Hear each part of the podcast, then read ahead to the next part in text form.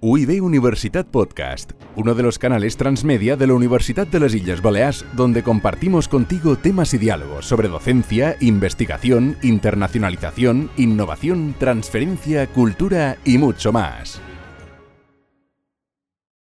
Tras 40 años de vigencia de la Ley Orgánica de Libertad Religiosa, ha llegado el momento de hacer una valoración crítica de la misma. Por eso es de especial interés ver cuál es el planteamiento que nos van a proporcionar hoy dos catedráticos de la materia de Derecho Eclesiástico del Estado. Tanto José María Vázquez García Peñuela como Miguel Rodríguez Blanco han dedicado su carrera académica al estudio de las cuestiones del derecho fundamental de libertad religiosa, y ello tanto desde las aulas, en su vertiente de docentes, como en su vertiente de investigación e igualmente de transferencia del conocimiento. Veamos, pues, cuál es su valoración de esta ley orgánica. La tradicional competencia en asuntos religiosos del Ministerio de Justicia ha pasado recientemente al Ministerio de Presidencia en virtud de un Real Decreto de 12 de enero de 2020.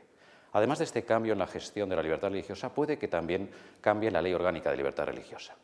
Vamos a analizar las principales aportaciones de la Ley Orgánica de Libertad Religiosa, que este año cumple su 40 aniversario, y aquellas cuestiones que se pueden mejorar. Agradecer desde la Facultad de, Derecho, desde el Departamento, en este caso de Derecho Privado, que eh, realmente se interesen por estos temas, que son temas también muy importantes, son temas que aunque estemos en un Estado laico, todo el tema de la libertad religiosa, todo el tema del derecho eclesiástico, yo creo que es muy importante. Es verdad que también es muy transversal, pero que es muy importante que los graduados en Derecho, al menos en esta universidad, puedan tener estos conocimientos que se puedan dar en la asignatura, pero también en complementos de esta mesa redonda. Yo uh, os quiero agradecer mucho, José María, y también eh, a, Miguel, que habéis venido aquí, eh, que dedicáis un tiempo a formar a nuestros estudiantes, a nuestros alumnos, y que de alguna forma pues, este empeño, tanto de la doctora Pontester como del doctor González, de que el derecho eclesiástico sea algo también importante en la formación de nuestros estudiantes, me parece interesante. Hasta hace un mes y medio, la materia de libertad religiosa era competencia adscrita propia del Ministerio de Justicia. El Ministerio de Justicia siempre ha sido quien de alguna forma nos ha tutorizado. Desde hace un mes y medio se ha producido un cambio. Hemos pasado a depender del Ministerio de Presidencia. La pregunta es obligada. ¿Cómo valora este cambio? ¿Qué cree que puede provocar? ¿En positivo, en negativo, lo que usted considere? Hombre, el cambio eh, en sí mismo es tan poco razonable decir no se puede cambiar nada porque siempre se ha hecho las cosas eh, de esta manera, como decir cualquier cambio, por ser algo nuevo, es bueno.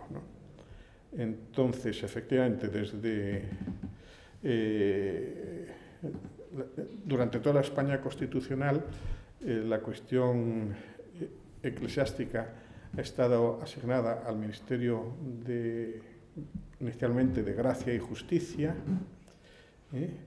Eh, también en el periodo de la Primera y de la Segunda República, eh,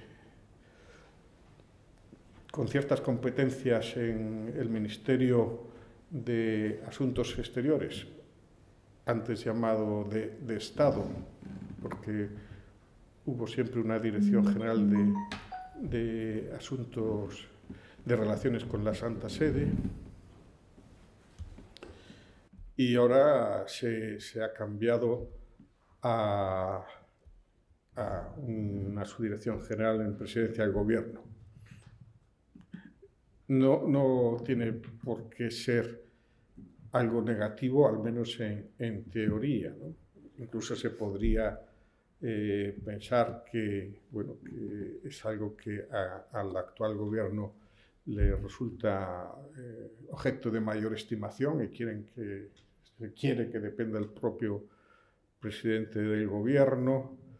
Parece que ahora se quiere aprobar una ley de libertad de conciencia que sustituya a nuestra actual ley orgánica de libertad religiosa.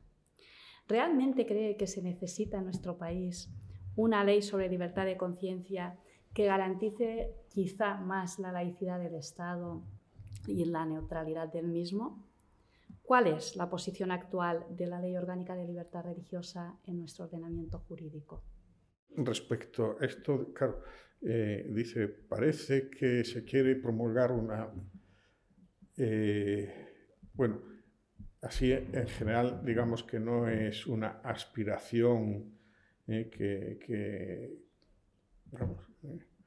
yo esta mañana he cogido dos taxis y ninguno de los taxistas me dijo, ¿qué? ¿Cuándo nos darán esta ley de libertad de conciencia? No, no creo que es una aspiración popular como eh, a veces nos podemos plantear, ¿no? Yo que sé, a todos nos gustaría que, por ejemplo, que el fútbol lo dieran todo en abierto, ¿no? Eso es una cosa que realmente la gente le, le gustaría, o, eh, no sé, que, que, que quitasen eh, las tasas abusivas en, los vuelos ¿no? de las compañías aéreas, ¿no? que es, lo que cuesta el billete y lo que son las tasas, pues también puede haber un cierto clamor popular a ver cuándo quitan las tasas o los peajes en las autopistas. Pero vamos, esto de la ley de libertad de conciencia, eh, desde el punto de vista doctrinal, solamente un sector muy minoritario piensa que la ley orgánica de libertad religiosa debe ser sustituida por una ley eh, de libertad de conciencia. Ley de libertad de conciencia que dicho sea de paso no tiene eh, en, lo, que conozco ningún parangón en, los, eh, en las naciones de, de, de, de nuestro ámbito geográfico y cultural. ¿no? Lo único parecido puede ser la ley de separación Iglesia-Estado de 1905 en Francia, que es un instrumento, digamos, que se creó para eh, reforzar la laicidad de la República Francesa, ¿no? pero una ley de libertad de conciencia, eh, a mí no me parece que sea algo necesario. Y después me parece que la ley orgánica de libertad religiosa es una ley eh, que, funciona, que, funciona, que ha funcionado bien, ¿eh? que no ha eh, provocado problemas, que pertenece a lo que podíamos llamar la época dorada del parlamentarismo constitucional español, porque era un tiempo en que los grupos parlamentarios pues no tenían inconveniente eh, o muchos inconvenientes en aceptar las enmiendas razonables eh, de los eh, grupos de la oposición y la oposición pues se adhería a proyectos de, de, ley del gobierno y esta ley concretamente, si no recuerdo mal, se aprobó con 299 votos, ninguno en contra ¿eh?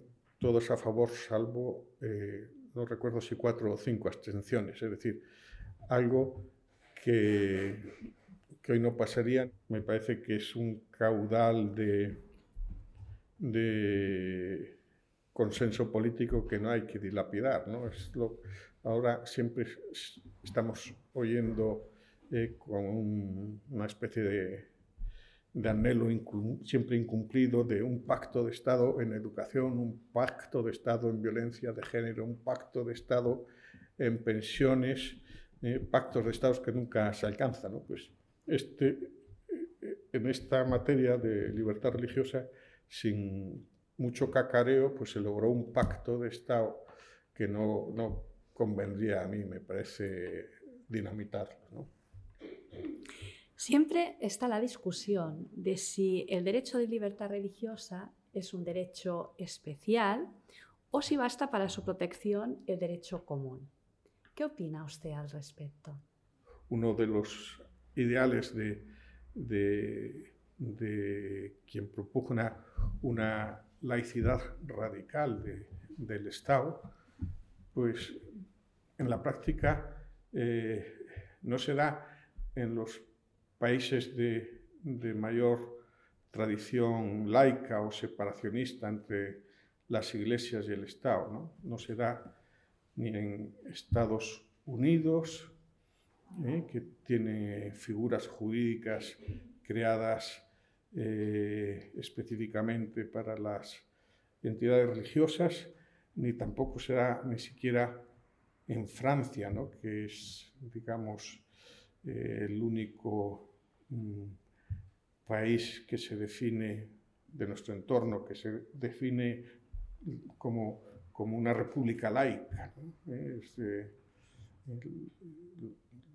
la misma manera que nuestra nación se define como un Estado social y democrático de derecho, que tiene como valores eh, superiores, etc., en el artículo 1.1 de la Constitución, Francia lo primero que dice es, este es un Estado laico, es decir, que lo tienen muy en el, en el corazón republicano francés lo de la laicidad.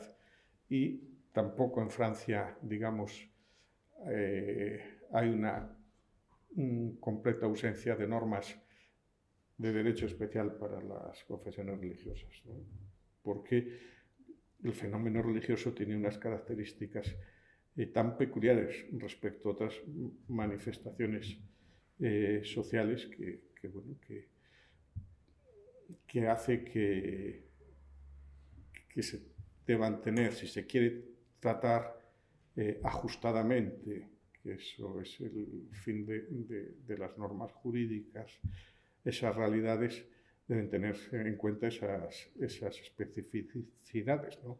Eh, yo qué sé, las hermanitas de los pobres que cuidan a los ancianos no, no, no, tienen, no es un hotel, es decir, no se le puede aplicar ¿eh? la, la, normativa eh, de hotelera, ¿no? ni, no sé, ni un santuario o una catedral es un local abierto al público como cualquier otro, ¿no? sino que tienen también unas características propias que necesitan atenderse y regularse de una manera específica, en mi opinión. El Estatuto de la Iglesia Católica no lo define la Ley Orgánica de Libertad Religiosa, sino los acuerdos entre el Estado español y la Santa Sede. Estos acuerdos internacionales recientemente han cumplido también 40 años. Se habla de la necesidad de denunciar estos acuerdos.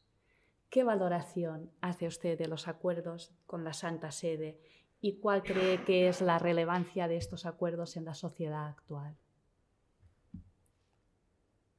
Bueno, la relevancia en la sociedad actual es, eh, es pequeña a los políticos de vez en cuando, sobre todo cuando llegan las elecciones, pues les da de hablar con los acuerdos. Algunos eh, hablan del concordato pensando que está todavía en vigor el del 53, ¿no? que fue la norma que derogó, que derogaron entre todos estos, estos acuerdos. Eh, a mí me parece que se debe decir algo parecido a, a la Ley Orgánica de Libertad Religiosa, porque son prácticamente normas eh, contemporáneas que se llevan muy poco tiempo de, de distancia. Han funcionado bien, no han creado eh, problemas importantes y bueno, cuando se habla de la denuncia de los eh, acuerdos concordatarios, realmente eh, se repite una cuestión sin ser muy consciente de lo que se está diciendo. los, eh, dudo mucho que, que, se puedan denunciar los acuerdos de 1979.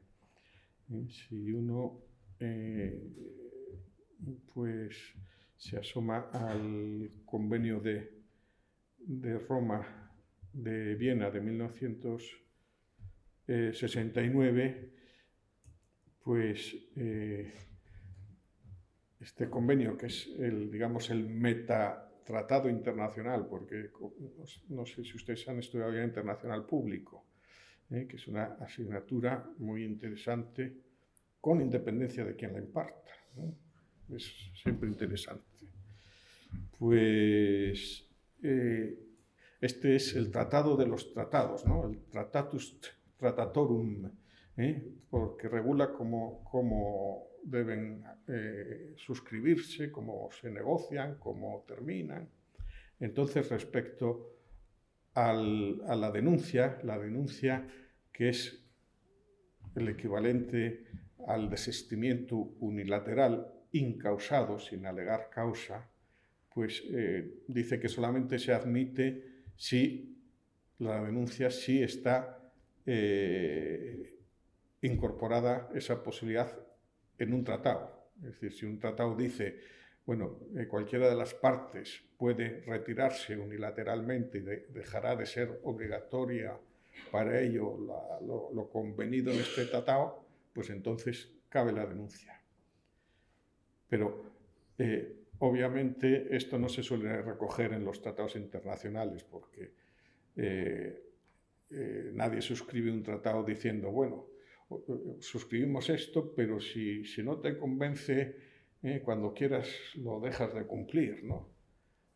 y desde, luego en los acuerdos del 79 no se prevé la, la denuncia. Eh, tampoco eh, el propio convenio de Roma prevé normas eh, para el dar por terminado un tratado fuera de las de que se cumpla el plazo si se fijó para un si se suscribió para un plazo realizado o que haya habido vicios que lo hagan nulo. el desistimiento unilateral eh, no, o la retirada unilateral de un tratado eh, no, se contempla. Entonces, eh, no tiene sentido hablar de la denuncia como si fuera una posibilidad que está a, disposición del Estado español, decir, bueno, oiga, de lo dicho aquí, que suscribimos este acuerdo y tal, eh, que nada, que ya no, que no interesa ya, ¿no? Eso no, no como comprenderán, eh, no, eh, no cabe. De hecho, la historia de España es una historia de concordatos, sobre todo desde que vino la Casa de Borbón en 1737, 1753, 1851, 1953, un pequeño intento que hubo en la Segunda República. Eh, nunca eh, hubo un, supuesto de, de, denuncia unilateral por parte del Estado español de un, de un concordato. Entonces, no creo que, que, lo vaya a realizar el gobierno. De hecho, los, más, los gobiernos que más agitan el espantajo de la denuncia luego son los que más ceden en, las negociaciones con la Iglesia Católica. El gobierno de Zapatero, ustedes serían pequeños, pero sí habrán oído hablar de sus padres, a sus padres de Zapatero, ¿no? Un presidente del gobierno que tuvimos hace unos 10 o 12 años, pues eh, también hablaba de que estos acuerdos, bueno, pues realmente eh, el gobierno de Zapatero lo que hizo, sobre todo a través de la vicepresidenta, eh, fue negociar que para determinados artículos de los que estaba exenta la Iglesia Católica empezar a pagar el IVA, pero a cambio le concedió un aumento en la asignación tributaria, ustedes saben que en el impuesto sobre la renta eh, cada declarante puede destinar a la Iglesia Católica al 0,523, podía 0,5234 de, la, de, la, cuota, de la cuota íntegra.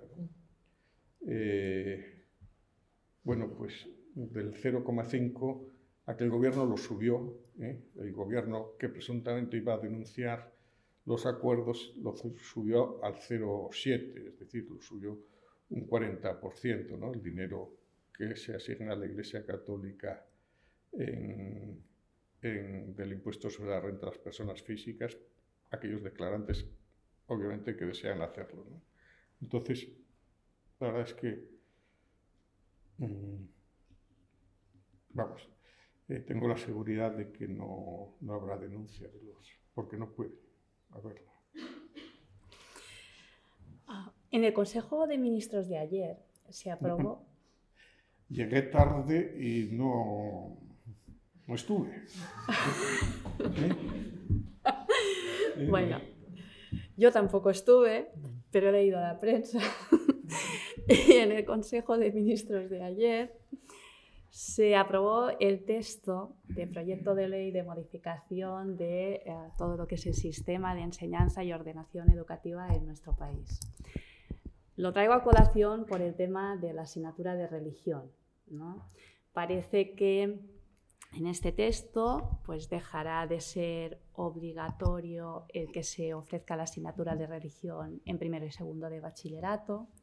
Parece que desaparecerá la asignatura espejo de religión, de manera que los alumnos que decidan cursar religión es ahora van a tener clase y sus compañeros pues podrán irse a casa, estar en el patio, estudiar, lo que sea. Parece que la asignatura de religión dejará de ser, uh, sí será evaluada, pero no será computable a la hora de las medias de cara a acceso a la universidad y de cara a la consecución de becas, etc. La pregunta es la siguiente. ¿Con esto se rompería con los acuerdos, con lo establecido en los acuerdos?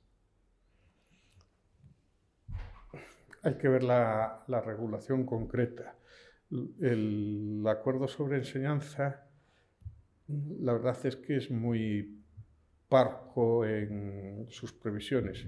Contiene una sola previsión, aunque eh,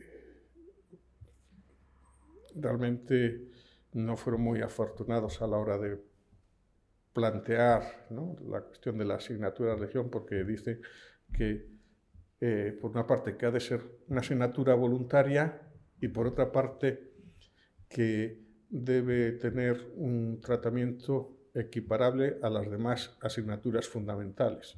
Pero precisamente las asignaturas fundamentales eh, nunca son voluntarias. Dice, bueno, tu niño si quieres puedes ir a matemáticas o no, no, las matemáticas eh, son ineludibles. esto, es, esto es importante, y la lengua, y el, inglés, y, eh, y, la literatura. ¿no?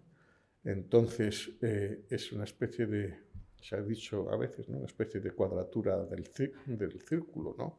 que, que sea voluntaria y a la vez un trato equiparable a las asignaturas fundamentales, pues es algo complicado y entonces el legislador eh, ordinario, pues lo tiene realmente difícil. Eh, a, mí me parece que, bueno, que hasta que no tengamos un texto, eh, no podremos decir si contraviene o no lo dispuesto en el tratado. Yo estoy prácticamente seguro de que no lo contravendrá, porque eh, bueno, pues porque el Ministerio de Educación tiene sus órganos de asesoramiento, asesoramiento técnico que, se encargarán de que sean respetuosas eh, la, fórmula que den con el acuerdo sobre enseñanza. Eh, de todas las cuestiones donde ha habido ciertas fricciones entre la Iglesia y el Estado en España, eh, la más conflictiva ha sido esta. Pero nunca por lo que ha dispuesto el, acuerdo sobre enseñanza y asuntos culturales, sino por las diversas regulaciones que ha emanado, eh, que se han plasmado en las leyes de educación, que bueno, pues que, que son fórmulas siempre difíciles de arbitrar y que efectivamente eh, pues varias de ellas, eh, varias, bastantes decretos, pues han sido eh, declarados ilegales por, por el Tribunal Supremo en diversas ocasiones, pero también en otras ocasiones mm, fórmulas ante las cuales eh, la jerarquía eclesiástica mostró reticencias, después los tribunales han dicho que, que son respetuosas con lo pactado en el acuerdo sobre enseñanza y asuntos culturales. Es una cuestión bastante técnica, bastante difícil y que con la, la, mera noticia de que ayer se ventiló en el, en el Consejo de Ministros y que se apuntaban tales o cuales criterios, pues yo no me siento en condiciones de decir si la disposición que finalmente saldrá en el proyecto de ley eh, será respetuosa o no con el tratado. Nuestro Código Penal tipifica dos delitos distintos que me gustaría analizar ahora un momentito con usted. Por un lado, los delitos de odio contra los creyentes religiosos, que aumentan cada año, especialmente en Internet.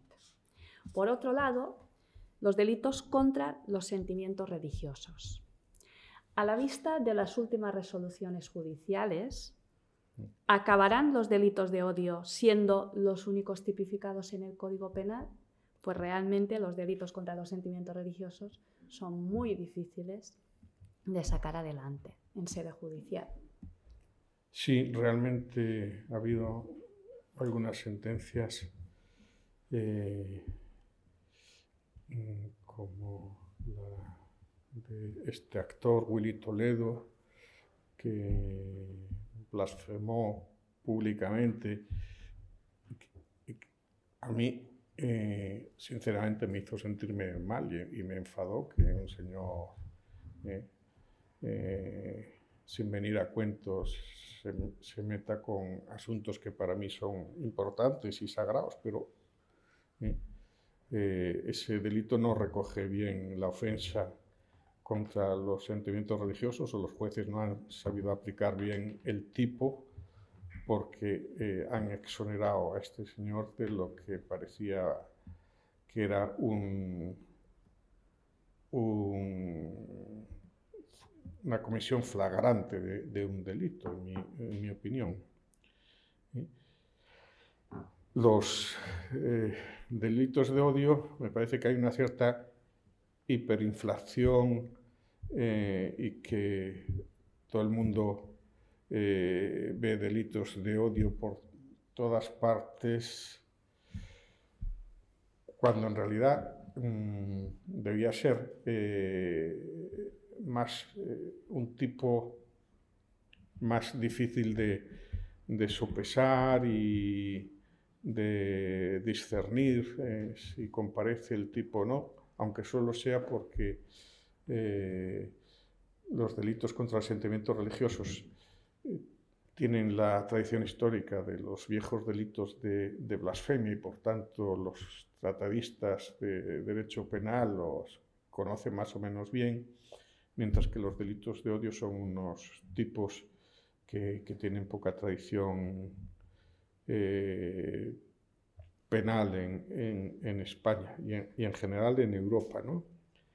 Las ofensas hacia eh, la religión tienen también una odiosidad muy, muy específica, es decir, que a, los creyentes eh, pocas cosas les ofende más ¿eh? que, que se metan con la propia religión, si son verdaderos creyentes, ¿no? Eh, mm, pero, bueno, ahora asistimos también a personas que por cuestiones de orientación sexual o eh, por convicciones en el ámbito de, de la vida animal o de la nutrición, pues son también muy sensibles y hay mucha gente que está como en carne viva y que todo le, resulta eh, ofensivo, ¿no?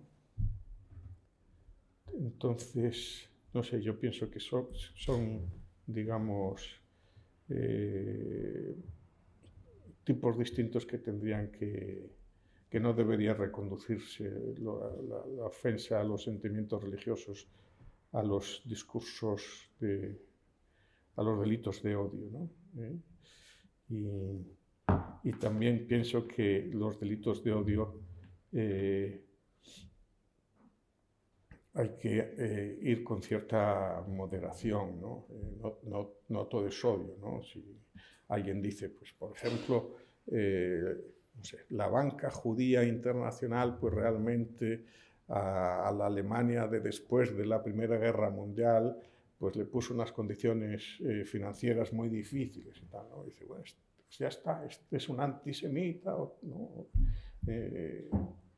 Delito de odio, ¿no? Bueno, no, pues parece que, que, igual es razonable sostener eso desde el punto de, vista histórico, ¿no? Eh, o, no sé, tantos ejemplos que se pueden poner, pero que no quiero poner yo muchos más, no voy a ser que alguno de, los asistentes me, pueda denunciar al juez por ¿eh?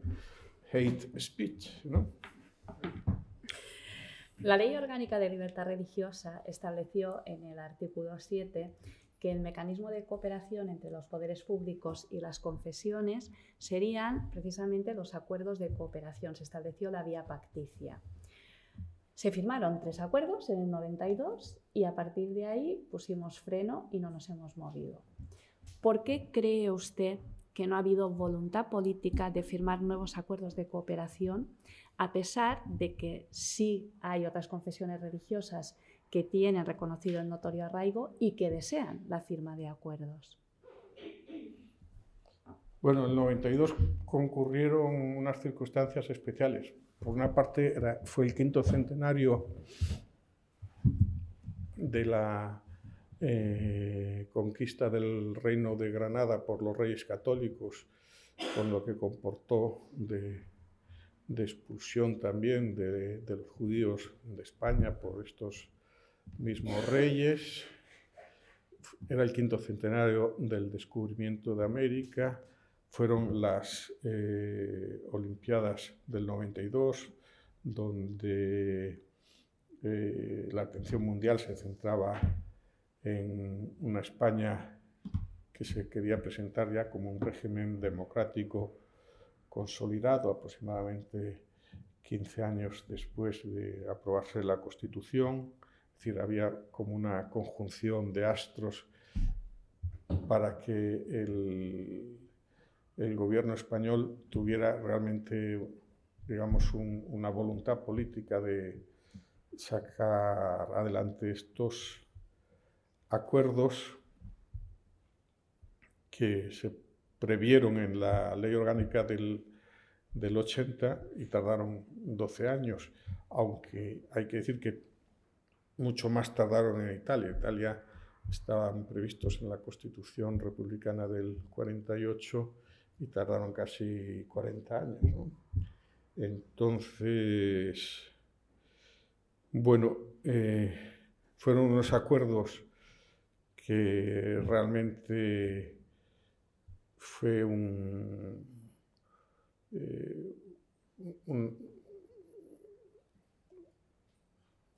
no fue una negociación, digamos, eh, verdaderamente libre por parte de las confesiones religiosas minoritarias, sino que el gobierno explotó el deseo que tenían las, eh, se aprovechó del deseo que tenían las, las confesiones religiosas minoritarias de tener un acuerdo que los equiparase en cierta manera a la confesión mayoritaria, que era la Iglesia Católica, que tenía eh, tradicionalmente acuerdos con el Estado y con ese afán de tener un acuerdo equiparante, el contenido de acuerdo les daba un poco lo mismo.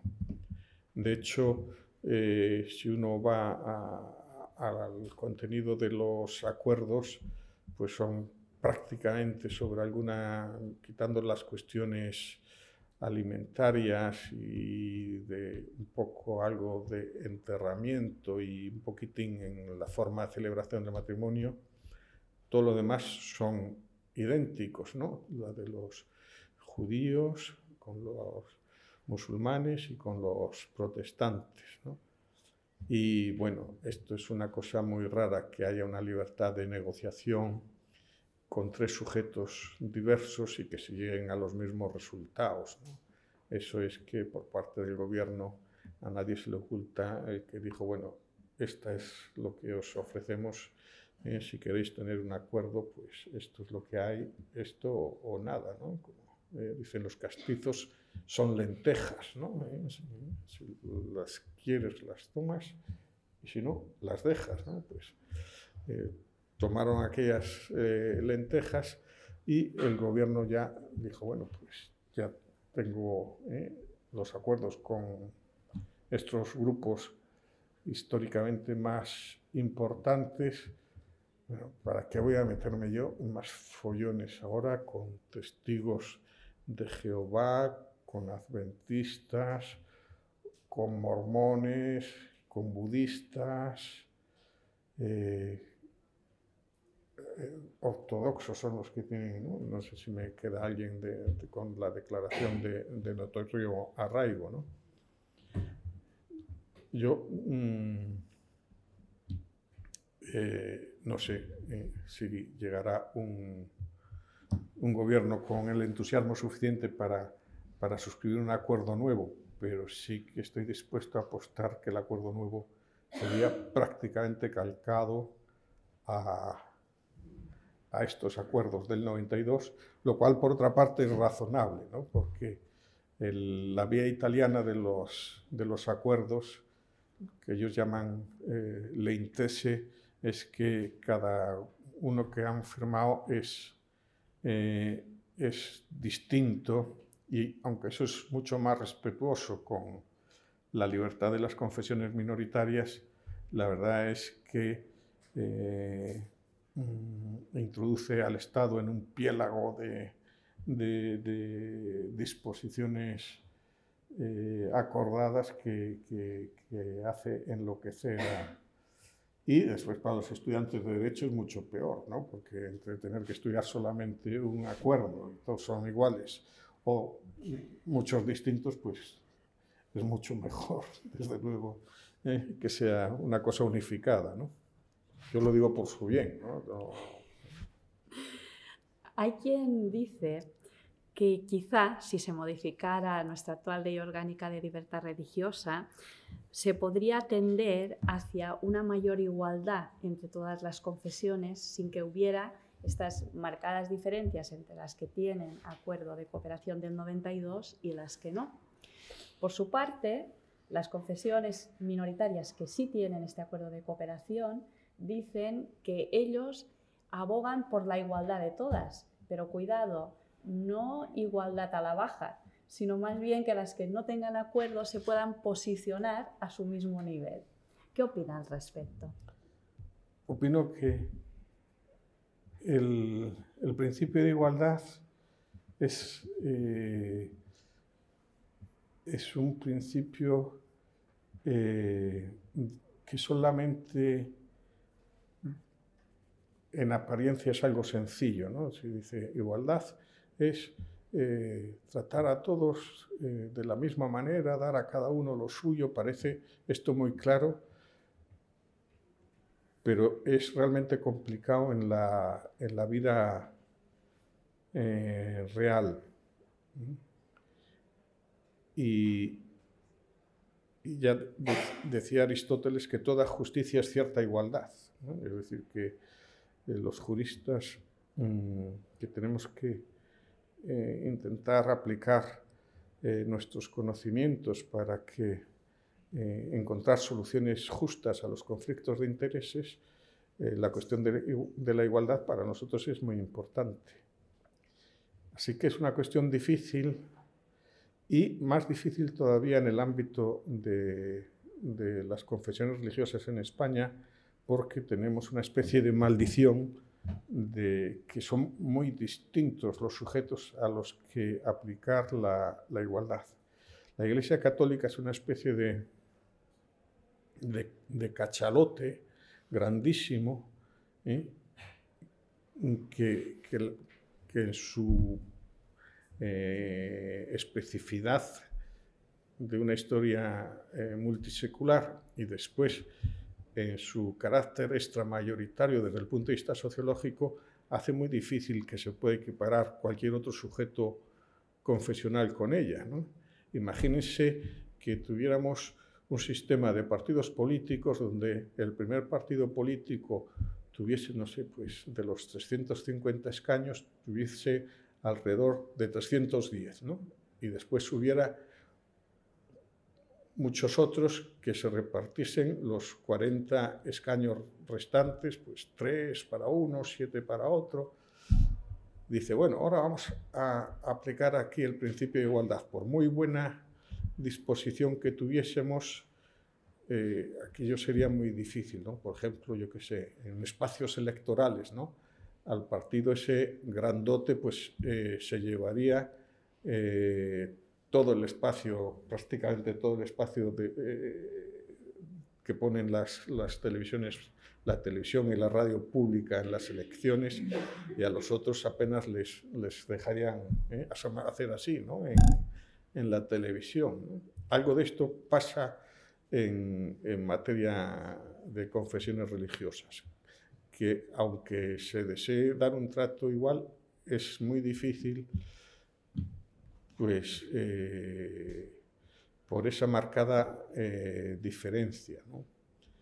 Yo creo que sí hay aspectos donde se puede tender más a la igualdad sin que el sistema salte por los aires. Por ejemplo, me parece que sería muy sencillo, a mí me parece deseable y que técnicamente es sencillo que el sistema de asignación tributaria se extendiese a muchas más confesiones, desde luego a las tres con acuerdo y quizá a las de notorio arraigo, porque técnicamente es fácil, es fácil de hacer, ¿no? se, puede dar eh, una, un, un, una clave eh, eh, y decir, bueno, pues ponga usted una cruz si quiere que se, dedique, se destine a la Iglesia Católica, ponga el índice 024 si quiere que vaya a la Comisión Islámica de España el 0,25, si quiere que vaya a la Federación de Entidades Religiosas Evangélicas el 0,26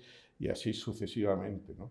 Esto no le costaría nada incorporarlo al Ministerio de Hacienda y sería algo que dejaría, me parece a mí, contento eh, a, todo, a todo el mundo. ¿no? Eh, claro, mmm, Después, las confesiones minoritarias, lo cual es psicológicamente, eh, psicológicamente explicable, ¿no? Ven agravios en todas partes, ¿no? Pero ¿no? esto nos pasa a los minoritarios. Yo soy minoritario en el sentido de que soy eh, un leal seguidor del Real Oviedo, que milita en la segunda división desde eh, bueno, una cuestión que tendría que haberles advertido es que también aquí hay una conjunción porque el profesor Rodríguez Blanco es de Gijón. Gijón, saben que es un pueblo de Asturias, ¿no? Un pueblo que incluso les dejamos venir a estudiar a nuestra universidad ¿eh? y bueno, y van por allí como si fueran como nosotros, como si fueran los de Oviedo, ¿no? los gijoneses. ¿no? Y bueno, y después dicen que nos llevamos muy mal, pero ya que estamos aquí sin insultarnos, ni, y además somos buenos amigos. ¿no? Entonces, ellos también son minoritarios, ¿no? llevan en segunda división también mucho, mucho tiempo Claro, y, siempre nos pensamos que estamos maltratados los de la segunda división y, Bueno, pues esto es algo que les es humanamente comprensible con, con las confesiones minoritarias. Yo creo que, que una medida de ese tipo sería eh, positiva y quizá se podrían pensar en algunas otras, ¿no? que, que les hiciera sentirse bueno, equiparados en lo posible, ¿no? En lo posible, porque hay, dice, bueno, es que nosotros queremos, pues yo qué sé, pues los protestantes españoles queremos tener eh, la misma importancia en el ámbito del patrimonio histórico que la Iglesia Católica. Pues no, es que mire, no, eh, tienen ustedes eh, las catedrales de León, ni de Burgos, ni de Palma, ni de Sevilla, tienen porque las circunstancias históricas no se lo permitieron, ¿no? Entonces no, no pueden recibir las subvenciones que reciben para mantenimiento de templos la Iglesia Católica porque los suyos no tienen la importancia histórico-cultural que tienen los de los católicos. Son cosas que eh, no se pueden igualar, ¿no? aunque se quiera. Pero las que se puede hay que ir claramente por la igualdad. España es un país descentralizado y la Ley Orgánica de Libertad Religiosa no hace mención al derecho eclesiástico autonómico. Muchas competencias de las comunidades autónomas afectan al ejercicio de la libertad religiosa y hay diferentes regulaciones de unas comunidades autónomas a otras. Me refiero, por ejemplo, en materia de enterramientos, alimentación, etc. ¿Debería la Ley Orgánica de Libertad Religiosa haber tenido en cuenta esto? La Ley Orgánica de Libertad Religiosa es de 1980, cuando todavía estaba incipiente el proceso de conformación de la eh, estructura autonómica en España. no están aprobados los estatutos, ni se sabía siquiera si iban a constituirse toda España, como finalmente pasó en comunidades autónomas, etc. Mm, es decir, que no se puede pedir a esa ley lo que no podía dar en, su día. Por otra parte, eh, las comunidades autónomas, eh,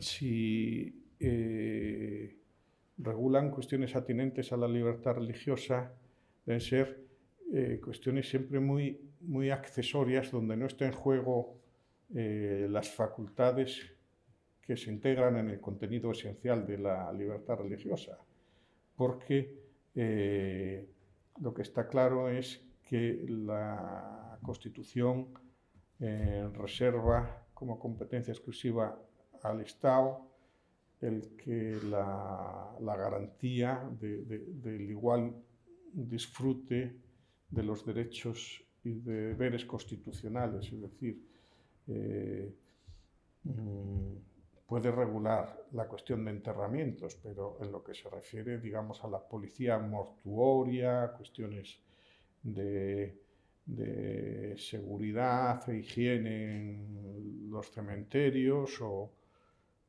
cuestiones muy accesorias. No puede restringir el derecho a los ritos funerarios ni a,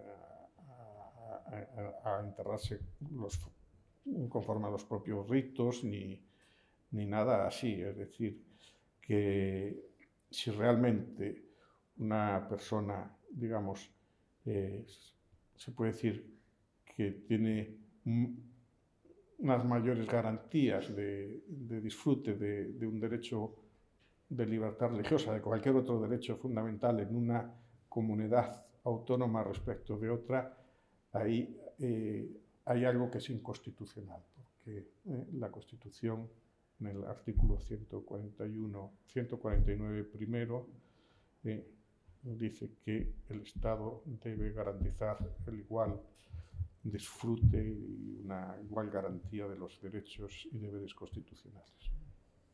¿En qué debe mejorar la libertad religiosa en España?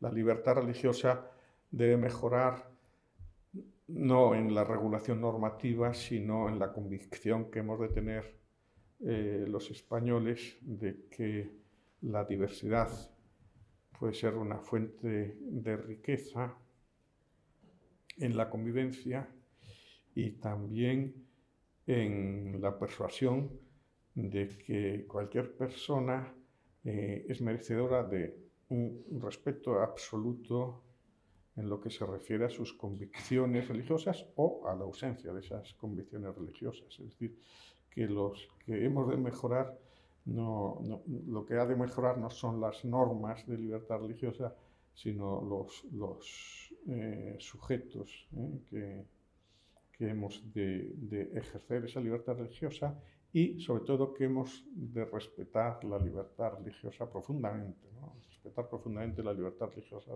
de los demás conciudadanos. Eh, la Ley Orgánica de Libertad Religiosa es un texto breve, muy eficaz. ¿De qué forma ha sido y es un texto de referencia en otros países europeos y americanos? A mí me parece que es importante conmemorar la Ley de Libertad Religiosa en su 40 aniversario porque, como decía el profesor Marcos González Sánchez en su pregunta, ha sido un texto jurídico eh, muy eficaz. Ha sido un texto que ha contribuido de una manera eh, significativa al reconocimiento del derecho de libertad religiosa eh, en España.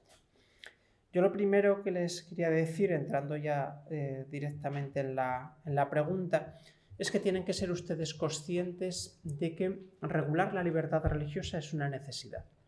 Y es una necesidad no solo del Estado español, sino de todos los estados eh, de nuestro entorno, de, todos los casos que yo, que yo conozco. A veces se ha dicho que tener una ley de libertad religiosa pues es algo como exclusivo, peculiar de España o de Portugal, es decir, de países que han tenido una tradición de confesionalidad católica y que eran restrictivos con el reconocimiento de derechos a las minorías religiosas, pero eh, si miramos a fondo lo que ocurre en otros países, pues veremos que no es así.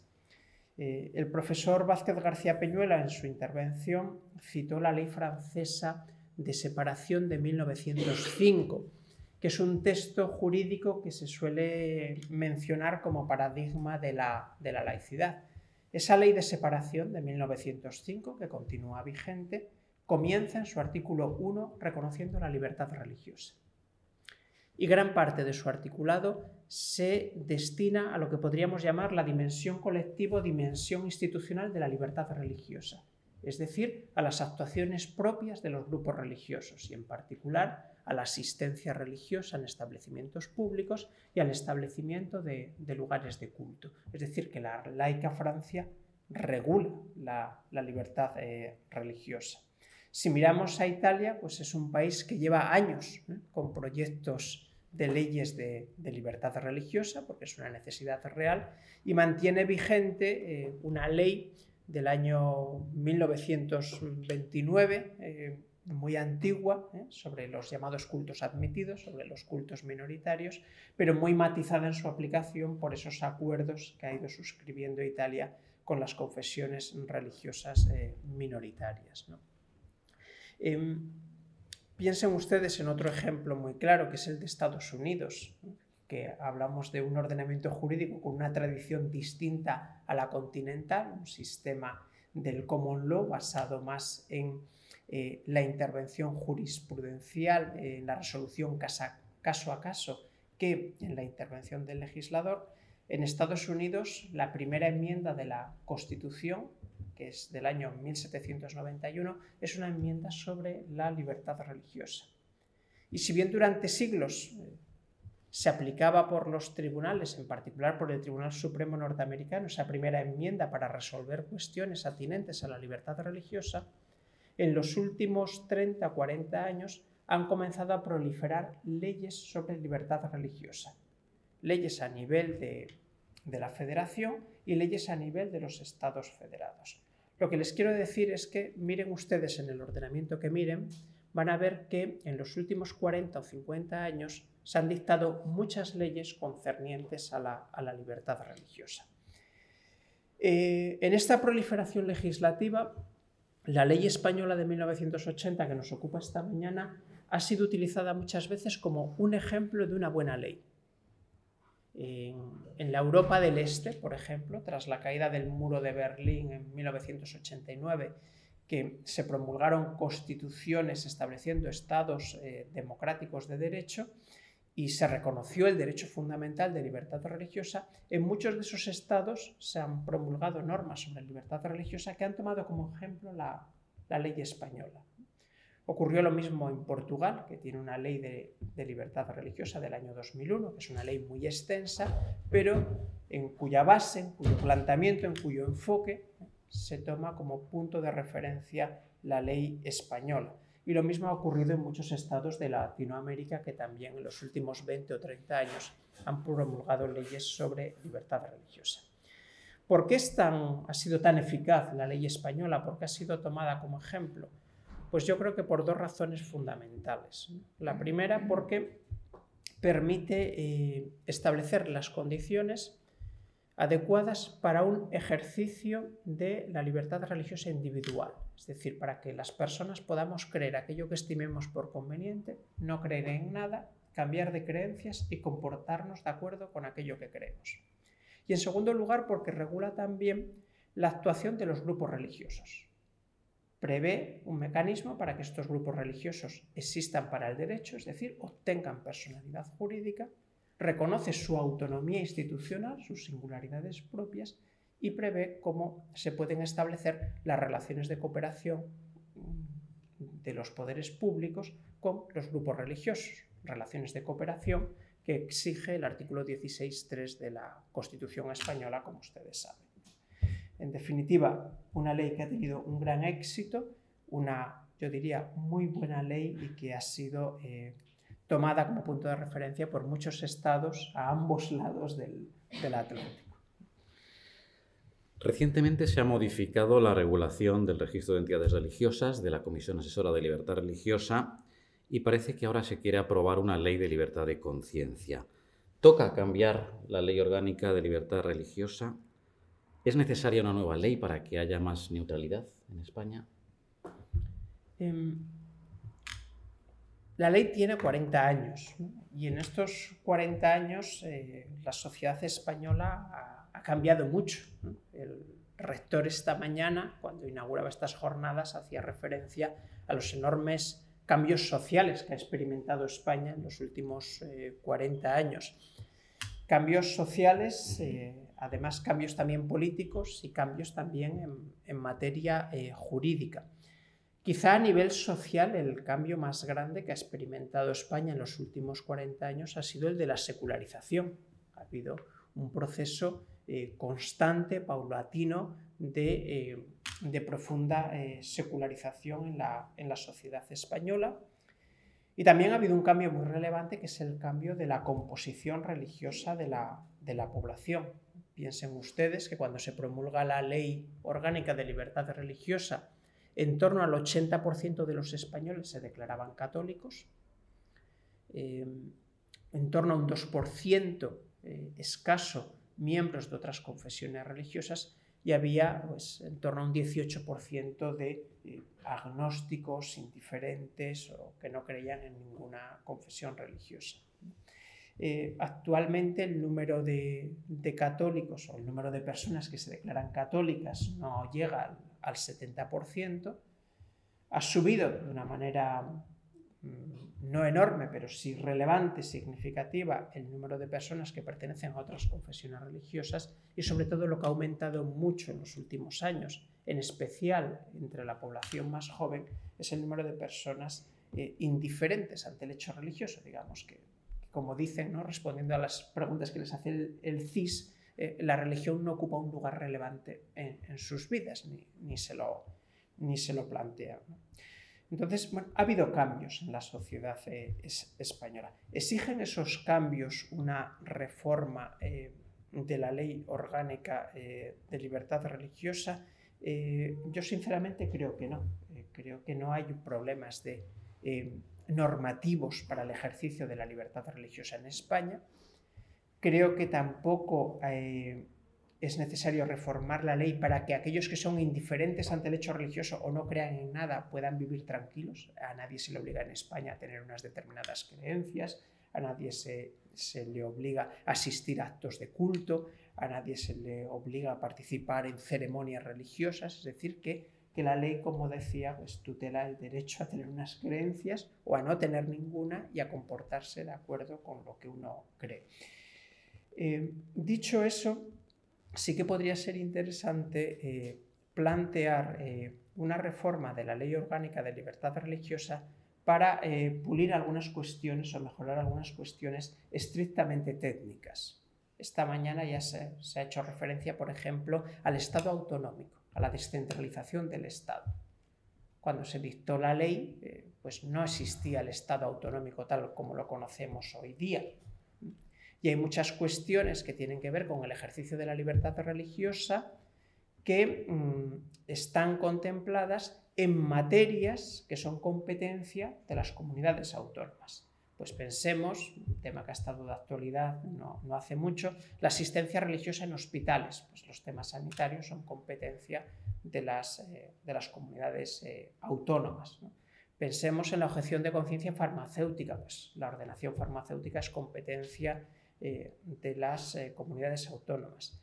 Pensemos en el importante tema del de, eh, establecimiento de lugares de culto, que tiene que ver con la ordenación del territorio y con el derecho urbanístico, que es competencia de las comunidades autónomas. O el tema ya citado por el doctor Vázquez García Peñuela del derecho mortuorio, de la policía sanitaria mortuoria, de los enterramientos y cementerios, tema también competencia autonómica sí que creo que sería necesario eh, una reforma para sentar unas bases, eh, por utilizar la terminología constitucional, unas condiciones básicas de ejercicio de la libertad religiosa iguales en todo el territorio nacional y que eviten que muchas materias que sí que afectan al núcleo de la libertad religiosa haya pues o un vacío legislativo o que estén sujetas a la discrecionalidad y a la mera voluntad de los de los gestores políticos. En ese ámbito sí que podría ser oportuno eh, reformar, eh, reformar la ley. Con la reestructuración de la competencia en asuntos religiosos, se ha quitado a las confesiones religiosas del nombre de la Subdirección General, que era Subdirección General de Libertad Religiosa, y parece que se quiere primar la libertad de conciencia individual con respecto a la vertiente colectiva de la libertad religiosa, las confesiones. La mayoría de las normas de derecho eclesiástico van referidas a las confesiones. ¿Qué opina de esta nueva línea que parece primar la libertad de conciencia individual? Muchas gracias por la pregunta, es un tema sobre el que sí que quisiera, quisiera hablar y si me permite la profesora Pons Estels, quisiera volver a una de las preguntas que ha realizado al, al anterior ponente, que estaba muy relacionada con esta cuestión, que es el tema de mm, el cambio que se acaba de realizar en la atribución de las competencias en materia de confesiones religiosas y en particular de libertad religiosa. Tradicionalmente en España durante siglos ha sido el Ministerio de Justicia quien se ha ocupado de la cuestión de la libertad religiosa y ahora, pues hace pues, menos escasamente un mes, esas competencias han pasado al Ministerio de la, de la Presidencia. Em, eh, es difícil saber, para aquellos que no estamos en el Consejo de Ministros ni en el Gobierno, cuál es la motivación que hay, detrás de este cambio. Pero eh, yo me atrevo a aventurar que se trata de un cambio eh, positivo. Y se trata de un cambio positivo desde un punto de vista de la gestión práctica de la libertad religiosa que ustedes van a entender perfectamente. Y esto es algo que yo durante muchos años oí a un antiguo director general de Asuntos Religiosos, el profesor Alberto de la Era, que estuvo al frente de la Dirección General de Asuntos Religiosos del Ministerio de Justicia durante ocho años, ¿eh? durante mm, eh, dos eh, legislaturas completas. Justicia se ocupaba de la libertad religiosa, pero piensen ustedes, por ejemplo, cuando se trataban cuestiones relativas a la enseñanza de la religión en la escuela. El Ministerio de Educación decía, esto es educación, es mi competencia, justicia no tiene nada que decidir en este ámbito. Piensen ustedes en la financiación de la Iglesia Católica a través del impuesto sobre la renta de las personas físicas. el Ministerio de Hacienda decía, esto es mi competencia, esto es una cuestión de, Hacienda. Asistencia religiosa en prisiones. El Ministerio del Interior tiene, depende de la Dirección General de, de Instituciones Penitenciarias, dice, pues esto es una cuestión del Ministerio del Interior. Asistencia religiosa en las Fuerzas Armadas, el Ministerio de Defensa. Justicia, el Ministerio de Justicia y la entonces Dirección General de Asuntos Religiosos, posteriormente Subdirección General de Relaciones con las Confesiones, carecía de la competencia para coordinar a los distintos eh, ministerios para tener una política uniforme, eh, coherente en materia de libertad religiosa. Y entonces siempre había habido voces que reclamaban pues, que esta cuestión debería pertenecer o bien depender directamente de presidencia del gobierno o bien del ministerio de la presidencia, es decir, de un departamento ministerial que tuviera la posibilidad de coordinar a los distintos eh, ministerios. Eso me lleva a hacer una lectura positiva de este cambio y a creer que el gobierno actual quiere eh, tomarse en serio esta cuestión de la, libertad religiosa, lo cual eh, pues, también guarda relación con ese anuncio que han hecho y que está recogido en el, eh, en, el pacto que han hecho para configurar el gobierno de, coalición entre el Partido Socialista y Unidas Podemos, eh, el anuncio de una nueva ley de, libertad de, de conciencia y de laicidad. Quedaría por hacer una referencia a la cuestión del nombre pasamos de hablar de Dirección General de Asuntos Religiosos o de Subdirección General de Relaciones con las Confesiones a Subdirección General de Libertad eh, Religiosa. De nuevo aquí, pues, insisto, salvo que uno estuviera dentro en, los órganos que han tomado la decisión, pues es difícil saber la, motivación. Si la motivación que hay detrás del cambio de nombre es hacer primar la idea de que la libertad religiosa es algo que afecta exclusivamente a la persona, a la esfera privada y que no tiene ninguna relevancia pública, si esa es la motivación yo creo que sería un error y sería algo que no casa con el modelo de relaciones poderes públicos, confesiones religiosas que establece nuestra Constitución. Como ustedes saben, el artículo 16.3 de la Constitución obliga a los poderes públicos a tener en cuenta las creencias religiosas que existen en la sociedad española y a mantener relaciones de cooperación con la Iglesia Católica y con las demás confesiones. No se puede reconocer verdaderamente el derecho de libertad religiosa si no se tiene en cuenta su dimensión colectiva su dimensión institucional, es decir, si no se tiene en cuenta que las propias confesiones religiosas son titulares del derecho de libertad religiosa y que para garantizar plenamente este derecho los poderes públicos tienen que cooperar con los grupos eh, religiosos. Eh, puede haber otra motivación, eh, que no sería un error, que sería una motivación positiva, que con el cambio de nombre lo que se quiera poner el acento es en la relevancia que tiene el principio constitucional de libertad religiosa a la hora de tratar estas cuestiones. Me explico muy, muy brevemente. ¿Cuál es el objetivo o cuál es la finalidad de la cooperación de los poderes públicos con los grupos religiosos? Pues no puede ser otra que la que ya he mencionado, la garantía y el reconocimiento real y efectivo de la libertad religiosa. Se coopera para garantizar este derecho fundamental. Por ello, si en el nombre del órgano administrativo encargado de la libertad religiosa aparece precisamente esa mención, la libertad religiosa, creo que ello, salvo que hubiera otras motivaciones extrañas detrás, eh, puede ser positivo. La ley orgánica eh, contiene un amplio catálogo de derechos individuales, pero no menciona algunos derechos importantes como el de la objeción de conciencia o el derecho a alimentarse conforme a las creencias. Eh, ¿Cómo valora eh, que no haya una clara regulación de estos derechos? Estamos en, una mesa redonda sobre el 40 aniversario de, la Ley Orgánica de Libertad Religiosa y estamos planteándonos si es necesario reformarla o no. A veces se ha dicho que una de las razones para reformar esta ley es que hay manifestaciones de la libertad religiosa o derechos concretos que entran dentro del ámbito de protección de la libertad religiosa que no están contemplados como los dos que usted ha, mencionado. Respecto a esta cuestión, a mí siempre me viene a la, memoria un, libro de un canonista italiano eh, del siglo XX, eh, muy brillante, eh, muy original en sus planteamientos, que se llamaba Pio Fedele, y que fue rector, si no me equivoco, de la Universidad de la Sapienza de, de Roma. Pio Fedele publicó en los años 60 un libro sobre el derecho de libertad religiosa en el que decía que este derecho es un derecho de carácter negativo. Cuando le atribuía una serie de, características, decía es un derecho de carácter negativo. ¿En qué sentido? En el sentido de que es imposible que el legislador defina con exactitud, con precisión, todo el catálogo de comportamientos que entran dentro del ámbito de protección de la libertad religiosa.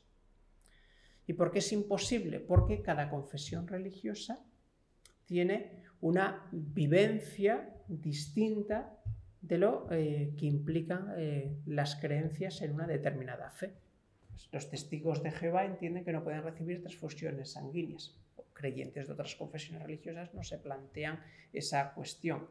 Los fieles de una determinada confesión religiosa no pueden trabajar o realizar actividad alguna un determinado día de la semana otros miembros de otras confesiones religiosas no se plantean ese problema. Es realmente difícil, yo diría, iría más lejos, diría que imposible, ¿no? agotar el catálogo de comportamientos que protege la libertad eh, religiosa. Por tanto, eh, más importante o más relevante que establecer un catálogo exhaustivo de esas manifestaciones de la libertad religiosa, creo que es tener presente la configuración de este derecho fundamental que realiza el Tribunal Constitucional.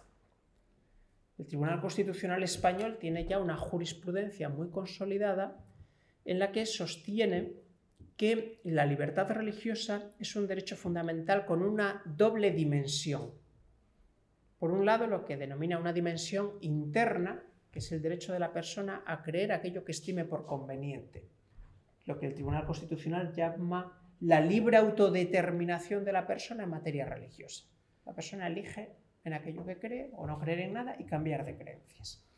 Pero junto con esa dimensión interna está la dimensión externa, es decir, el derecho de la persona a comportarse tanto en público como en privado de acuerdo con sus creencias y a manifestarlas tanto en público como en privado, evidentemente con el límite del orden público que ya aparece citado en el propio artículo 16.1 de la Constitución.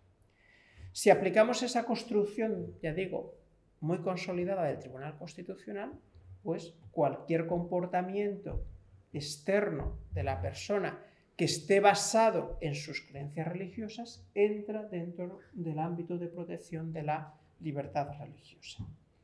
El Tribunal Europeo de Derechos Humanos eh, utiliza este mismo enfoque y habla del foro interno de la libertad religiosa y del foro externo, ¿eh? el derecho a manifestar las creencias y a comportarse de acuerdo con ellas tanto en público como en privado. Eh, por poner un ejemplo que además tuvo mucho eco y mucho impacto precisamente aquí en, la isla de, de Mallorca la ley orgánica de libertad religiosa nos dice las mujeres de religión musulmana tendrán derecho a portar el pañuelo islámico en las relaciones de trabajo. No, aparece eso contemplado en el artículo 2 de la ley orgánica de libertad religiosa, que es el que regula el catálogo de manifestaciones de, del derecho fundamental. Sin embargo, pues un tribunal de, Mallorca no tuvo ningún inconveniente en reconocer el derecho de una mujer de religión musulmana a eh, desempeñar eh, sus obligaciones laborales portando ese símbolo religioso. ¿Por qué? Porque la libertad religiosa comprende el derecho a comportarse de acuerdo con las creencias profesadas y a manifestarlas en público. Eh, las confesiones meramente inscritas se quejan de que tienen que casarse dos veces. Dicen que primero civilmente y después en su forma eh, religiosa. La pregunta es, ¿se perdió la ocasión, eh, tras la modificación del Código Civil en 2015, de haber reconocido la eficacia civil de todos los matrimonios de las confesiones meramente inscritas? Em, este es un, tema un tanto complejo. Quizá habría que comenzar eh, por explicar que eh, España tiene un sistema matrimonial, si lo comparamos con el resto de Europa, eh, un tanto peculiar. Bueno, no solo España, podemos decir que también Italia. En, en todo el centro y el norte de Europa, la regla general es el reconocimiento del matrimonio civil, regulado por el Código Civil, como eh, el mecanismo para adquirir la condición de, casado.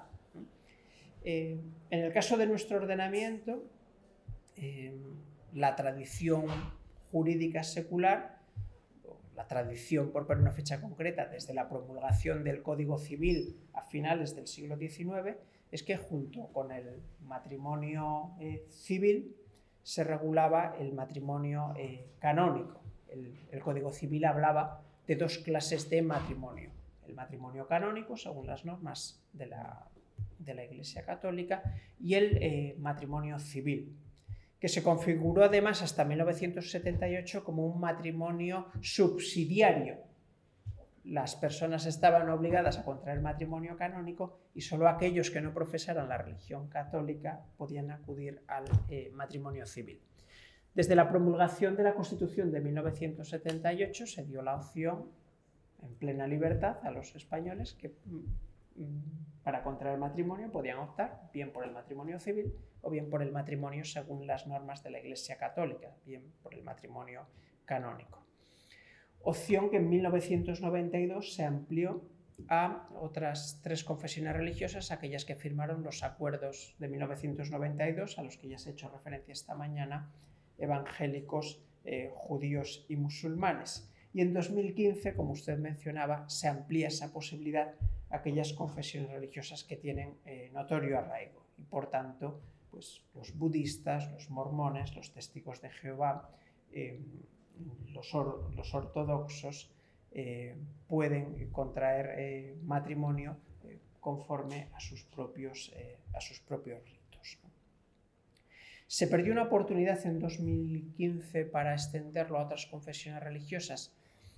yo no sé realmente cuántas confesiones religiosas hay que tengan unos ritos matrimoniales propios y específicos, porque, por ejemplo, hay algunas iglesias evangélicas que tienen reconocido este derecho, pero que dicen que ellos acuden al, matrimonio civil y que, por tanto, para ellos esto no es un tema relevante que forme parte de sus reivindicaciones en, materia de libertad religiosa. Yo creo que en este punto basta con la previsión de la Ley Orgánica de Libertad Religiosa que reconoce el derecho de la persona a celebrar los ritos matrimoniales de su confesión. Es decir, que si alguien pertenece a una confesión religiosa que tiene unos ritos matrimoniales específicos, tiene reconocido el derecho a celebrarlos, no necesariamente el derecho a que esos ritos tengan eficacia civil, si no está así previsto tendría que acudir al matrimonio civil, pero hay que tener en cuenta que el régimen sustantivo de esa regulación matrimonial va a ser exactamente el mismo. Y como la parte religiosa, la parte ritual, pues la puede celebrar, pues no veo aquí problemas de libertad eh, religiosa. Por tanto, no hablaría de una oportunidad, eh, de una oportunidad perdida desde el punto de vista de lo que sería una efectividad o una garantía del contenido esencial del derecho de libertad religiosa. Por lo demás, y, termino mm, con otra cuestión, pero eh, relacionada, pero un poco mm, más extensa, hay que tener en cuenta que eh, esa secularización de la sociedad española a la que me he referido al principio de, mi intervención en esta mesa redonda, tiene una incidencia tremendamente notable en materia de matrimonio. El número de matrimonios religiosos en España ha descendido en los últimos años de una manera tremendamente acusada y yo creo que ya las últimas cifras sitúan el número de matrimonios religiosos en torno al 24 al 27% con respecto al total, la mayoría de los cuales además son matrimonios canónicos, a que no me parece que aquí haya una reivindicación eh, por parte de las minorías religiosas, como si puede haber en otros temas, como pueda ser la, la financiación o la protección de los ministros de culto.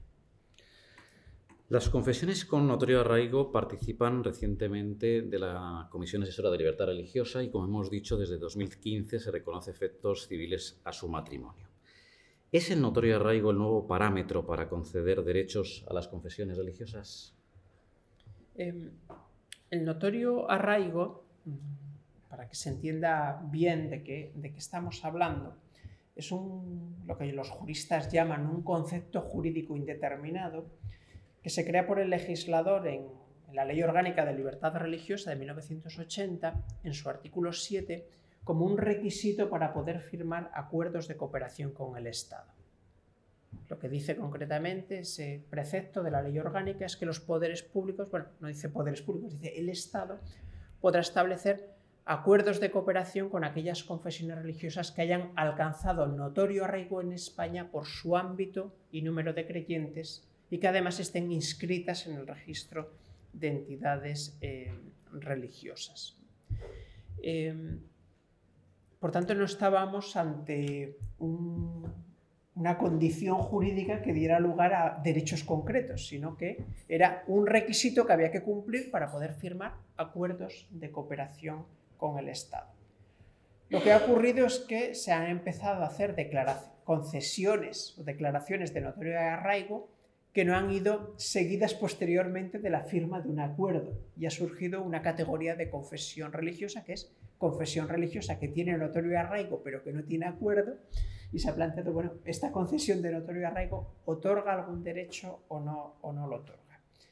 Eh, el legislador ha dado dos pasos concretos eh, de reconocimiento de efectos jurídicos ligados a la declaración de notorio arraigo que son el que ha mencionado usted, de participar en la Comisión Asesora de Libertad Religiosa y el que ya acabamos de citar del año 2015 de reconocer efectos civiles a los ritos religiosos de matrimonio de las confesiones religiosas con eh, notorio arraigo. Todo esto parece indicar que eh, en esas categorías de confesiones religiosas que establece nuestro ordenamiento, pues la Iglesia Católica, que tiene una singularidad reconocida desde la propia mención eh, en la Constitución, en el artículo 16.3, y los acuerdos con la Santa Sede del año 79, luego las confesiones que han firmado los acuerdos del año 92, luego vendrían las confesiones con, con notorio eh, arraigo. Parece pues como que se quiere atribuir unos efectos jurídicos concretos a el hecho de contar con, con el notorio arraigo. Eh, yo creo que eso no sería positivo, porque sería ahondar en una idea de el derecho de libertad religiosa como un derecho que se va dosificando, es decir, que se van creando distintos estratos en el reconocimiento de la libertad religiosa. Eh, creo que eh, sería eh, más correcto técnicamente atribuir unos derechos concretos a todas aquellas confesiones religiosas que están inscritas en el registro de entidades religiosas. Porque si no, pues en lugar de, ir progresando en alcanzar una verdadera igualdad, lo que estamos haciendo pues, es creando eh, más desigualdades, porque hay que tener en cuenta que, aunque ahora contamos con una regulación del año 2015 sobre cómo se adquiere la condición de notorio arraigo, los requisitos para adquirir esa condición, algunos de ellos pues son tremendamente eh, discrecionales, ¿eh? tremendamente indeterminados y aquí habría, hay un margen de discrecionalidad política la ley orgánica eh, no menciona el derecho de las confesiones a tener eh, recintos propios en los cementerios municipales, pero el acuerdo de cooperación con los judíos y con los musulmanes sí. ¿Cómo se explica esta diferencia? Em, la Ley Orgánica de Libertad Religiosa de 1980, que como decimos es una ley parca, una ley breve, en su artículo 2 reconoce el derecho de toda persona a recibir sepultura digna sin discriminación por motivos religiosos. Y no dice nada más. Ahí termina la, eh, la regulación en este punto.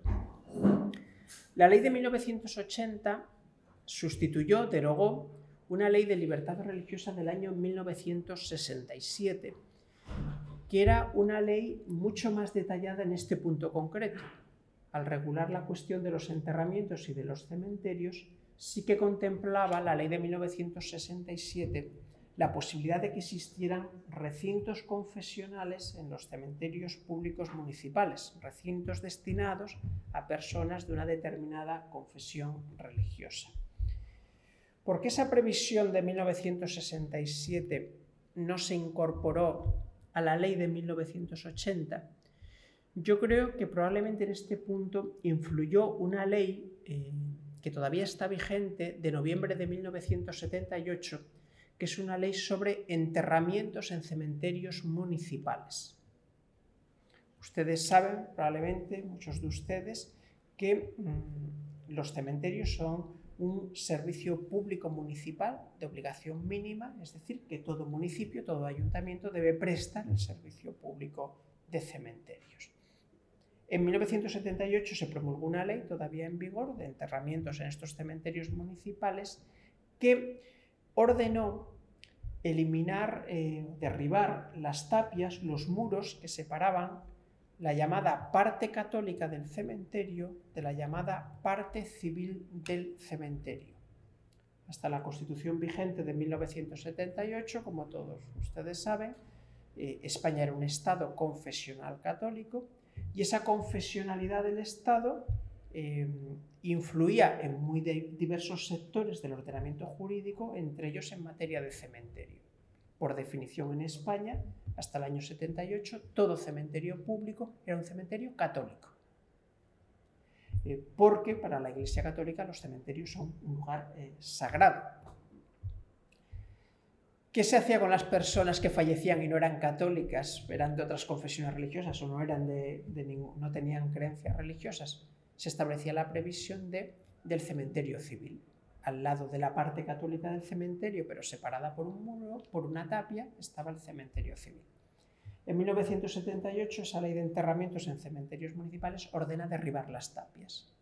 Dice, en España pues ya se va a poner fin a la confesionalidad católica del Estado y en materia de cementerios no se puede diferenciar a las personas en función de sus eh, creencias religiosas. No puede haber tapias, muros, recintos eh, por razón de confesionalidad en los cementerios. Y quizá ello explique que la Ley Orgánica de Libertad Religiosa no haga ninguna mención a esta cuestión.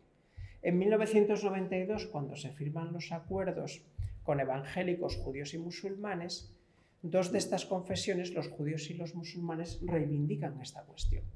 Y así aparece contemplada en los acuerdos, porque para ellos es un tema verdaderamente importante. Entienden que para proteger adecuadamente su derecho de libertad religiosa deben contar con recintos específicos destinados exclusivamente a personas de religión judía o musulmana en los eh, cementerios. ¿Qué pone esto de manifiesto? Pone de manifiesto que no puede haber mm, un contenido unitario, uniforme de la libertad religiosa para todas las confesiones. La libertad religiosa es el derecho de la persona a comportarse de acuerdo con sus creencias, las suyas. Y las creencias son todas diversas entre sí. Es decir, que hay que hacer una regulación de la libertad religiosa que atienda a las demandas, a las singularidades y a las características de cada confesión religiosa. Usted dirige un proyecto de investigación del Ministerio de Economía sobre el régimen jurídico de los ministros de culto. Los ministros de culto realizan funciones con efectos civiles, la celebración del matrimonio, eh, asistencia religiosa. Sin embargo, no existe una definición legal del concepto de ministro de culto. ¿Sería conveniente que hubiera una definición general del término ministro de culto válido para todas las confesiones religiosas? Pues mm, en este tema yo soy muy, muy escéptico. ¿eh?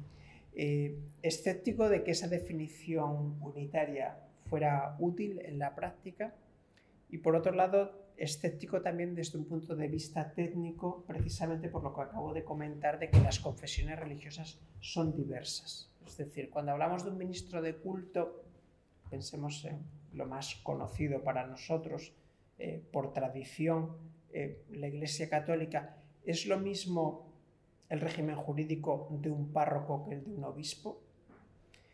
Eh, ¿Es el mismo el régimen jurídico de un capellán en un centro penitenciario que el de un capellán en las Fuerzas Armadas?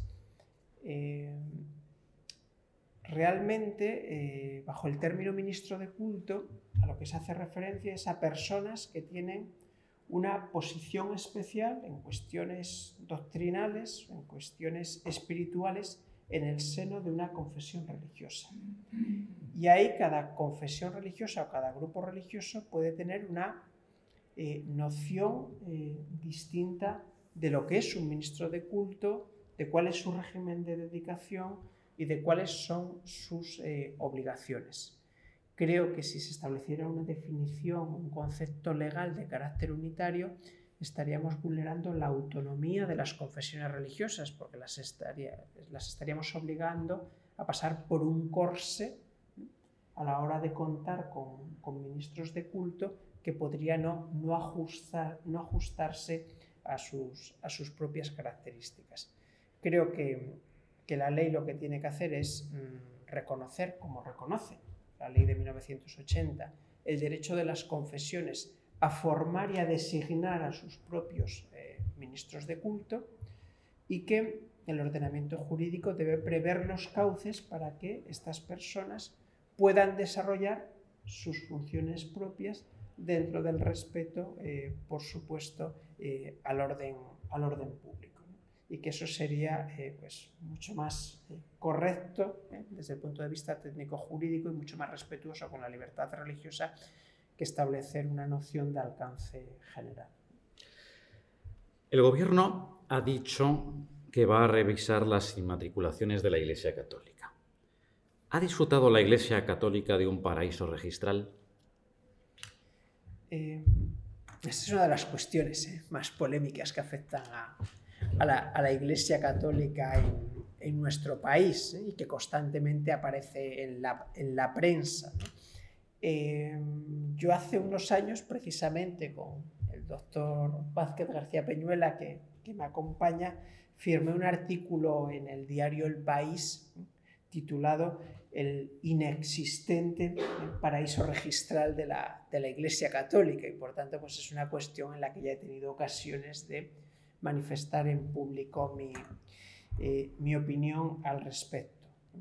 Cuando se habla de un paraíso registral de la Iglesia Católica, a lo que se está haciendo referencia es a una posibilidad que existía en la legislación hipotecaria hasta el año 2015, en que se derogó posibilidad que permitía a la Iglesia Católica inmatricular fincas en el registro de la propiedad sin un título escrito acreditativo del dominio sino que recurriendo a una certificación de, eh, obispo eh, diocesano. Eh, esa posibilidad existe en nuestra legislación hipotecaria desde el siglo XIX, desde que se crea el registro de la propiedad.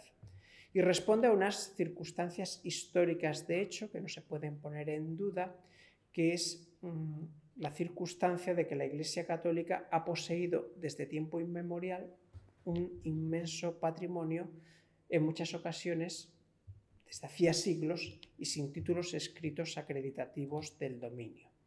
Digamos que la intención del legislador en el siglo XIX, cuando permitió a la Iglesia inmatricular fincas por certificación de los diocesanos, era promover el acceso de las fincas al registro de la propiedad. Es decir, procurar la concordancia entre el registro y la, eh, la, realidad. Esa posibilidad no solo se otorgó a la Iglesia, se otorgó, por ejemplo, también a los ayuntamientos, que también poseían bienes desde tiempo inmemorial y no tenían título escrito acreditativo del dominio. Es decir, que la inmatriculación de fincas por certificación de los ordinarios diocesanos no tenía nada que ver con la confesionalidad católica del Estado, no tenía nada que ver con la concesión de un trato de favor o un privilegio a favor de la Iglesia Católica, sino que obedecía a unas circunstancias históricas y a un tema de carácter práctico que es que se inventa el registro de la propiedad, se quiere promover la concordancia entre el registro y la realidad, es decir, que las fincas accedan al registro y se favorece ese acceso. Junto a ello hay que tener en cuenta que la inmatriculación de fincas por certificación de la Iglesia no es algo eh, que ajeno al derecho en el sentido de que no estuviera arreglado. Es decir, en la certificación del diocesano había que hacer constar, era obligatorio por ley, cuál era el título mm, de propiedad eh, con el que la Iglesia contaba, por qué sostenía mediante una certificación que ese bien era suyo. Y esas inmatriculaciones eran perfectamente impugnables ante los tribunales de justicia, es decir, que no era algo eh, inatacable. Es decir, que pasaban en primer lugar un filtro, el filtro del registrador de la propiedad, y en segundo lugar, si había terceros que se sentían lesionados en sus derechos, estaba la vía de acudir a los tribunales de justicia. Ha habido, hay muchas sentencias de nuestros tribunales de justicia que resuelven impugnaciones de inmatriculaciones de fincas realizadas por la Iglesia que concluyen que la inmatriculación es correcta y que ese bien se ha acreditado de manera fehaciente que su propietario era una determinada entidad eh, eclesiástica. Y hay sentencias en sentido contrario de inmatriculaciones realizadas por algunos ayuntamientos de una determinada ermita o de un determinado cementerio sosteniendo que es suyo que los tribunales de justicia han declarado ilegales esas inmatriculaciones de determinados municipios porque la Iglesia ha acreditado de manera fehaciente ser la legítima propietaria de, esos bienes. Entonces, yo creo que en este tema eh, no ha habido con total rotundidad ningún paraíso registral de, la Iglesia, sino una posibilidad específica de acceso de fincas al registro de la propiedad, regulada por cuestiones absolutamente técnicas, que se ha derogado eh, con una motivación que yo creo que es razonable, la exposición de motivos de la ley que deroga la inmatriculación de fincas por certificación del diocesano dice que han cambiado las circunstancias socioeconómicas y las circunstancias de hecho que, motivaron en su día establecer ese procedimiento inmatriculatorio, lo cual yo creo que efectivamente pues, pues es así, ¿no? ya, ya llevamos más de un siglo de existencia del, registro de la, de la propiedad y que eh, si se pone en marcha un proceso de revisión de las inmatriculaciones de alcance general, eh, lo que no puede ser es un, nuevo proceso de desamortización de fincas de la Iglesia. Habrá que analizar caso a caso, ver cuál era el contenido de esas certificaciones concretas, ver eh, de qué manera se acredita la Iglesia la, propiedad en cada caso concreto y dictar la resolución que corresponda en, derecho. ¿eh? Lo contrario, pues es algo que no, que no se puede sostener. Bueno, y ya para concluir, eh, una cuestión también polémica. La Iglesia Católica y las confesiones con acuerdo están exentas de algunos impuestos y el que más se habla es el IBI. Eh, esta exención se reconoce en el texto de los acuerdos, se reconoce en la ley de mecenazgo, en otra normativa. ¿Es un privilegio? ¿Es un derecho?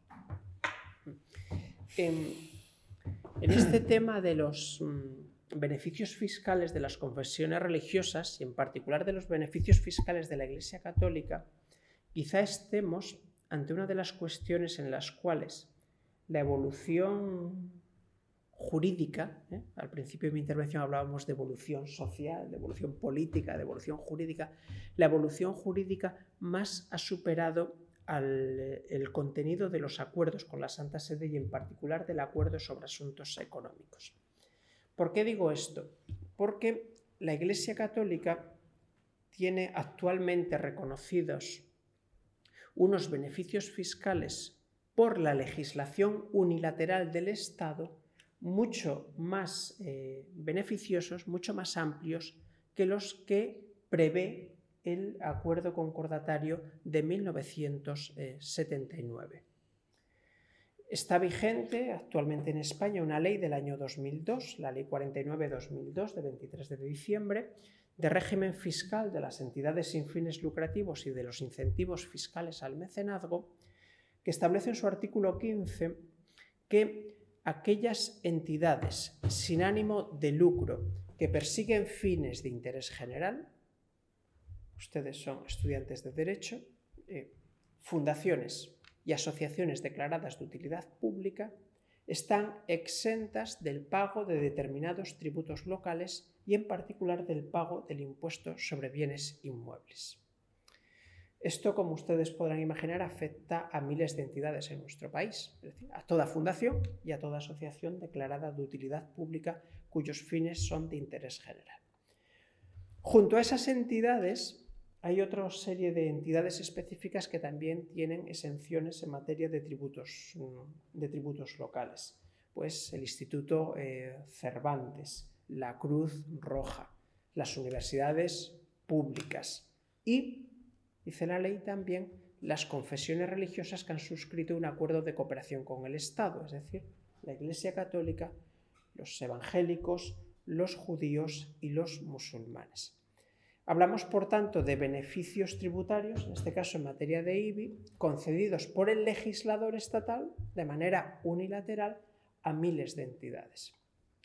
No podemos, por tanto, hablar de un privilegio eh, exclusivo de, la Iglesia Católica, ni mucho menos. Eh, es decir, modificar esta cuestión eh, yo lo veo una tarea eh, tremendamente difícil porque eh, salvo que se supriman todas las exenciones en materia de IBI de todas las entidades a las que me he referido, porque de lo contrario estaríamos ante una discriminación por razón de religión. Es decir, no se puede sostener que toda aquella entidad sin ánimo de lucro que persigue fin de interés, fines de interés general no paga el IBI pero sí lo pagarán las confesiones religiosas.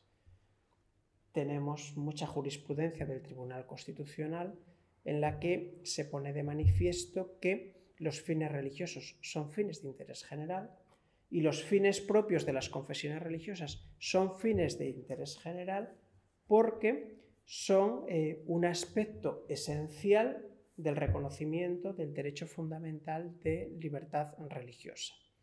Ha habido dos casos del Tribunal Constitucional en los últimos años relativos al reconocimiento de beneficios tributarios a las confesiones religiosas, en los cuales el Tribunal Constitucional ha sentado la doctrina de que la concesión de un beneficio fiscal a las confesiones religiosas es una medida que tiene su fundamento en el artículo 9.2 de la Constitución, es decir, en la obligación de los poderes públicos de garantizar de manera real y efectiva el derecho fundamental de, libertad religiosa. Por tanto, yo creo que aquí no, se puede hablar de, privilegios de, la Iglesia de, ningún tipo en materia, en materia de IBI, eh, que lo concedido por la legislación unilateral va más allá de lo estipulado en el acuerdo con la Santa Sede y que, mm, si me lo permite, me extiendo un poquito, la, cuestión que muchas veces se presenta como escandalosa ante la opinión pública, que es, mm, se acude al ejemplo de la Iglesia Católica recibe en herencia un, piso mm, que le deja una, una persona en su testamento, lo alquila y ese piso no paga el IBI, eso es algo que no está contemplado en absoluto en el acuerdo con la Santa Sede. Eso es algo que contempla la Ley 49-2002 de mecenazgo y que afecta a todas las entidades sin ánimo de lucro que tienen fines de interés general. ¿Por qué? Porque esa explotación económica de arrendamiento de un inmueble por parte de una entidad sin ánimo de lucro se entiende que tiene que estar exenta, tanto el producto obtenido por el alquiler como el propio inmueble, si se acredita que los beneficios obtenidos se destinan a fines de interés general.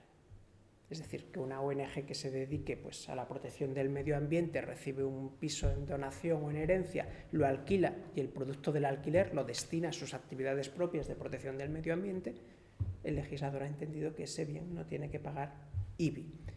Y lo mismo en el caso de de un piso de una confesión religiosa con, con acuerdo. Es decir, que no es algo exclusivo, específico de la Iglesia Católica, amparado por los acuerdos del, del 79. UIB Universitat Podcast, uno de los canales transmedia de la Universidad de las Islas Baleares, donde compartimos contigo temas y diálogos sobre docencia, investigación, internacionalización, innovación, transferencia, cultura y mucho más.